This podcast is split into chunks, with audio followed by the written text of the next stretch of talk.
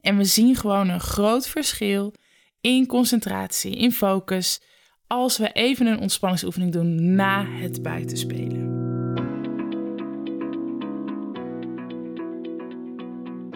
Van harte welkom bij de podcast van rustmentindeklas.nl, waarin jij inspiratie, kennis, concrete tips en oefeningen krijgt voor het nemen van voldoende rustmomenten met kinderen. Mijn naam is Wendy de Groot. Ik ben leerkracht geweest, inmiddels ook moeder en oprichter van rustmentindeklas.nl. Ik neem je graag mee in mijn ervaring rondom rust en ontspanning voor kinderen en misschien ook wel voor jezelf. Heel veel luisterplezier en ontspanning gewenst.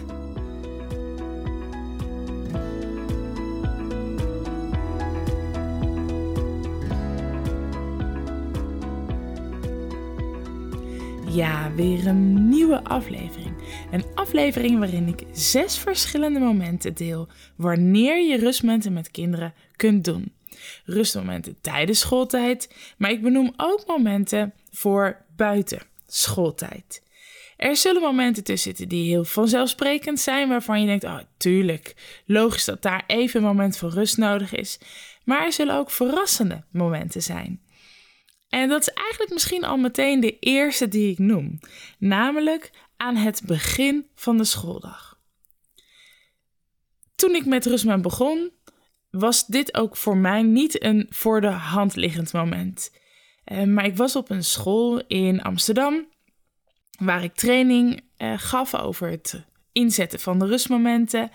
En daar zei een leerkracht: Ik zet het altijd aan het begin van de schooldag in. En waarom? Uh, de school stond in een, uh, staat in een wijk in Amsterdam waar veel kinderen in kleine ruimtes wonen, waar meerdere kinderen in een flat wonen. Um, en vaak hebben kinderen al heel veel meegemaakt voordat ze op school komen. Dus deze leerkracht zei: de kinderen hebben echt even tijd nodig om wat er s'morgens voor schooltijd allemaal al thuis heeft plaatsgevonden, om dat even te verwerken, even af te sluiten. En met een rustmoment, een ontspanningsmoment eigenlijk, de overgang te maken naar het leren en het samen zijn in de klas. Dus begin van de schooldag is een heel mooi moment. Ook een uh, leerkracht op een SBO-school noemde het. Waar kinderen natuurlijk, uh, of waar veel kinderen met een busje ook naar school komen. Die zei nou, om eerst die kinderen weer even hun aandacht gericht te krijgen, weer hun focus te krijgen, uh, begin ik met een ontspanningsoefening. Dus begin van de dag is een mooi moment. Misschien een wat meer voor de hand liggend moment, het tweede, tijdens lesovergangen. Diana Smits vertelde in een uh, eerdere podcast hier ook over dat we tijd nodig hebben om informatie te verwerken. Dus we leren dingen op een dag. En als we van de ene les naar de andere les overgaan, heeft je brein eigenlijk even tijd nodig om alles wat je van de vorige les geleerd hebt, wat je gedaan hebt. Dus niet alleen leren als in klassikaal informatie overbrengen, maar ook gewoon praktische dingen. zijn ook dingen die je meemaakt. En die je brein een plekje moet geven. Door tijdens lesovergangen even rust te nemen, kan het brein eigenlijk letterlijk even zich legen. Eigenlijk het, ik noem altijd het korte termijn. Kan de informatie verplaatsen naar het lange termijn geheugen, zodat er op het korte termijn geheugen weer een nieuwe plek ontstaat om iets nieuws te leren. We weten ook dat we tijd nodig hebben om te schakelen. Zo is er een um, wetenschappelijk onderzoek gedaan bij twee verschillende groepen in de zaken, zakelijke wereld. Beide hadden een vergadering rondom het goede doel. De ene groep ging meteen nadat zij heel analytisch gewerkt hadden naar die vergadering. En de andere groep ging eerst even langs het koffiezetapparaat, even daar een wandeling daar naartoe. En daarna begonnen ze pas aan die vergadering van het goede doel.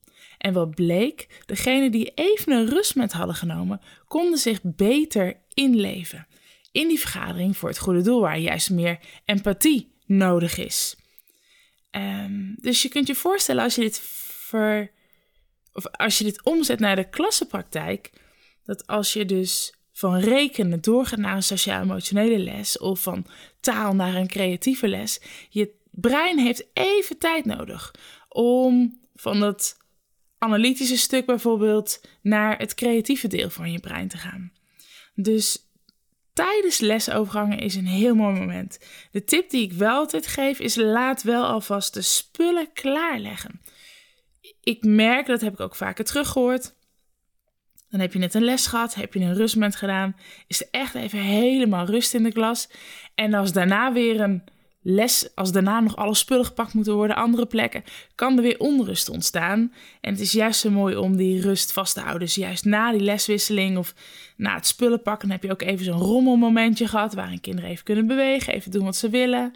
Vervolgens even een rustmoment en dan weer eh, door naar het volgende.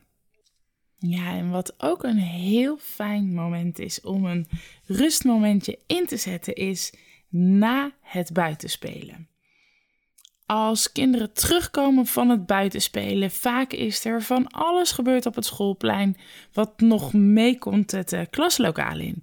En ook hier om weer een overgang te maken van het spel, van alles wat er heeft plaatsgevonden buiten, naar de les die je wilt gaan geven, is een ontspanningsoefening echt heel erg waardevol. Zo is er een speciaal onderwijsschool, een SBO-school, die zegt na iedere pauze doen wij eerst even een rustmomentje. Zeker bij ons op school merken we dat er in de pauze van alles gebeurt. En we zien gewoon een groot verschil in concentratie, in focus, als we even een ontspanningsoefening doen na het buitenspelen. En dit geldt natuurlijk voor het gewone buitenspelen, maar ook voor eh, na de lunchpauze. Wat ik ook wil noemen is een moment voor een toets. Dat is het vierde wat ik wil noemen. Als een kind zenuwachtig is, dan kun je, eh, kun je van tevoren een ontspanningsoefening doen. Dit kun je individueel doen, daar kom ik zo ook nog even op terug, maar ook met de klas. Um, hier heb ik ook een leuk verhaal bij te vertellen. Zo is er een leerkracht geweest die ging um, met haar dictées of kleine rekentoetsjes ging ze afnemen. En ze deed eigenlijk haar eigen onderzoek, haar mini-onderzoek in de klas om te zien wat er gebeurde. Ze vergelijkte de toetsresultaten um, tussen wel of geen rustmoment nemen of ontspanningsoefening doen voorafgaand aan de toets. En wat merkte zij? De resultaten van haar toetsen waren hoger als kinderen van tevoren even een ontspanningsmoment, een rustmomentje hadden genomen. Nu wil ik niet zeggen, ga allemaal aan ontspanningsoefeningen, want daar krijg je betere toetsresultaten door. Het geeft alleen wel aan dat het de concentratie doet toenemen.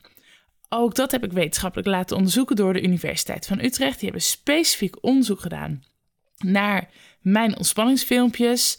En ook daar is uitgekomen dat het doen van korte ontspanningsoefening zorgt voor een verbeterde concentratie.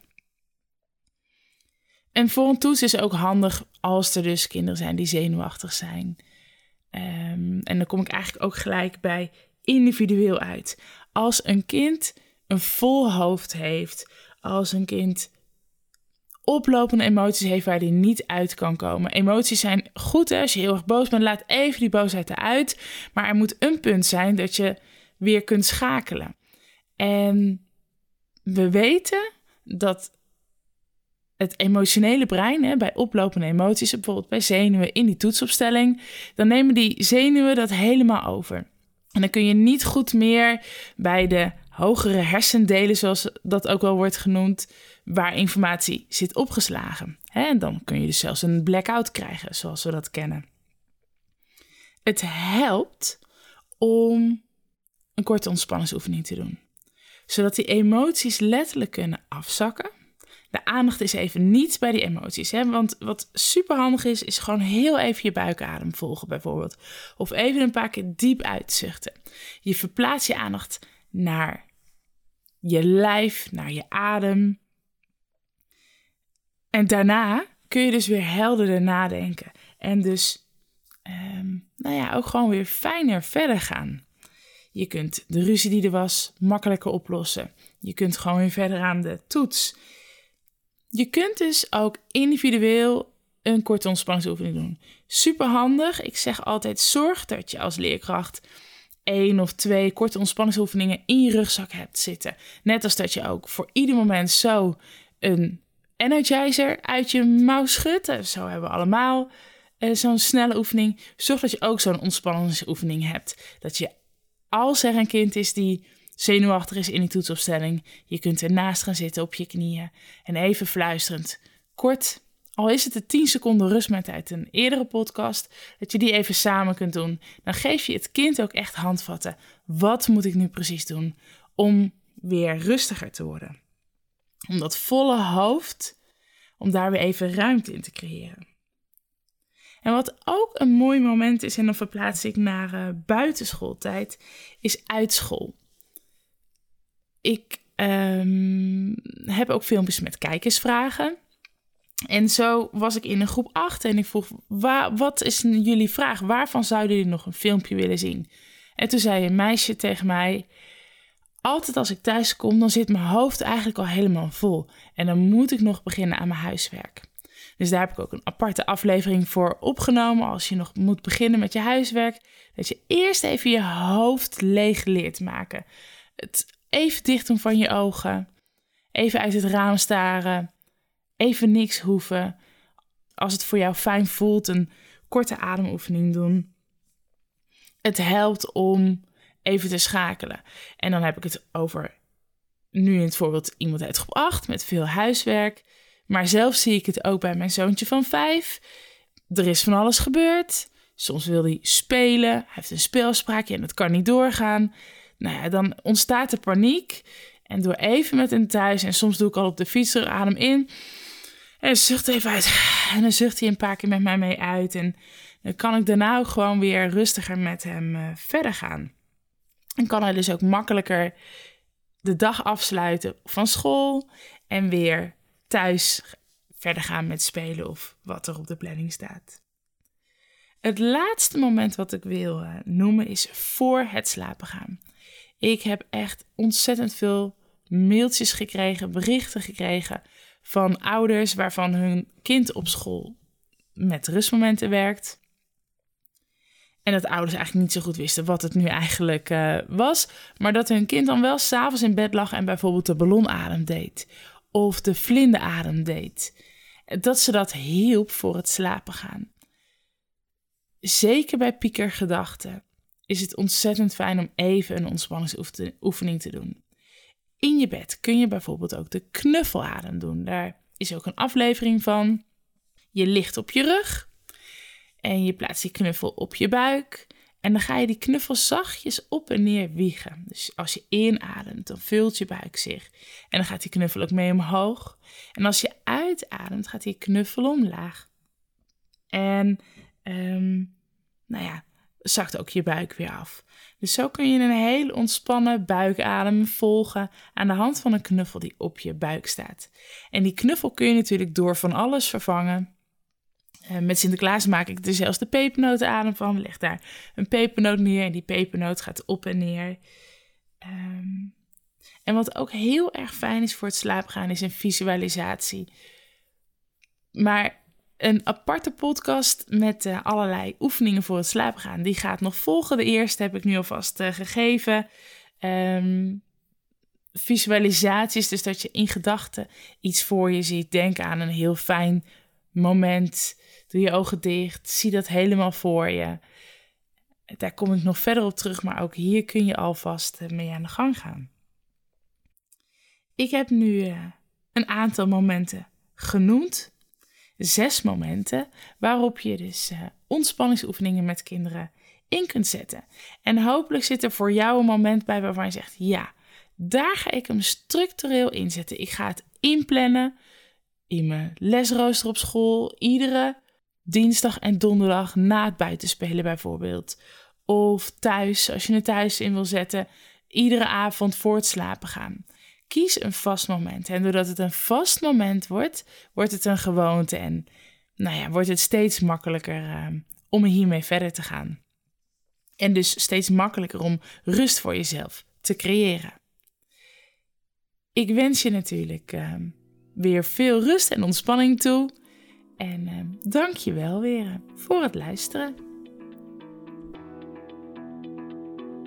Superleuk dat je weer luisterde naar deze podcast van Rustment in de Klas.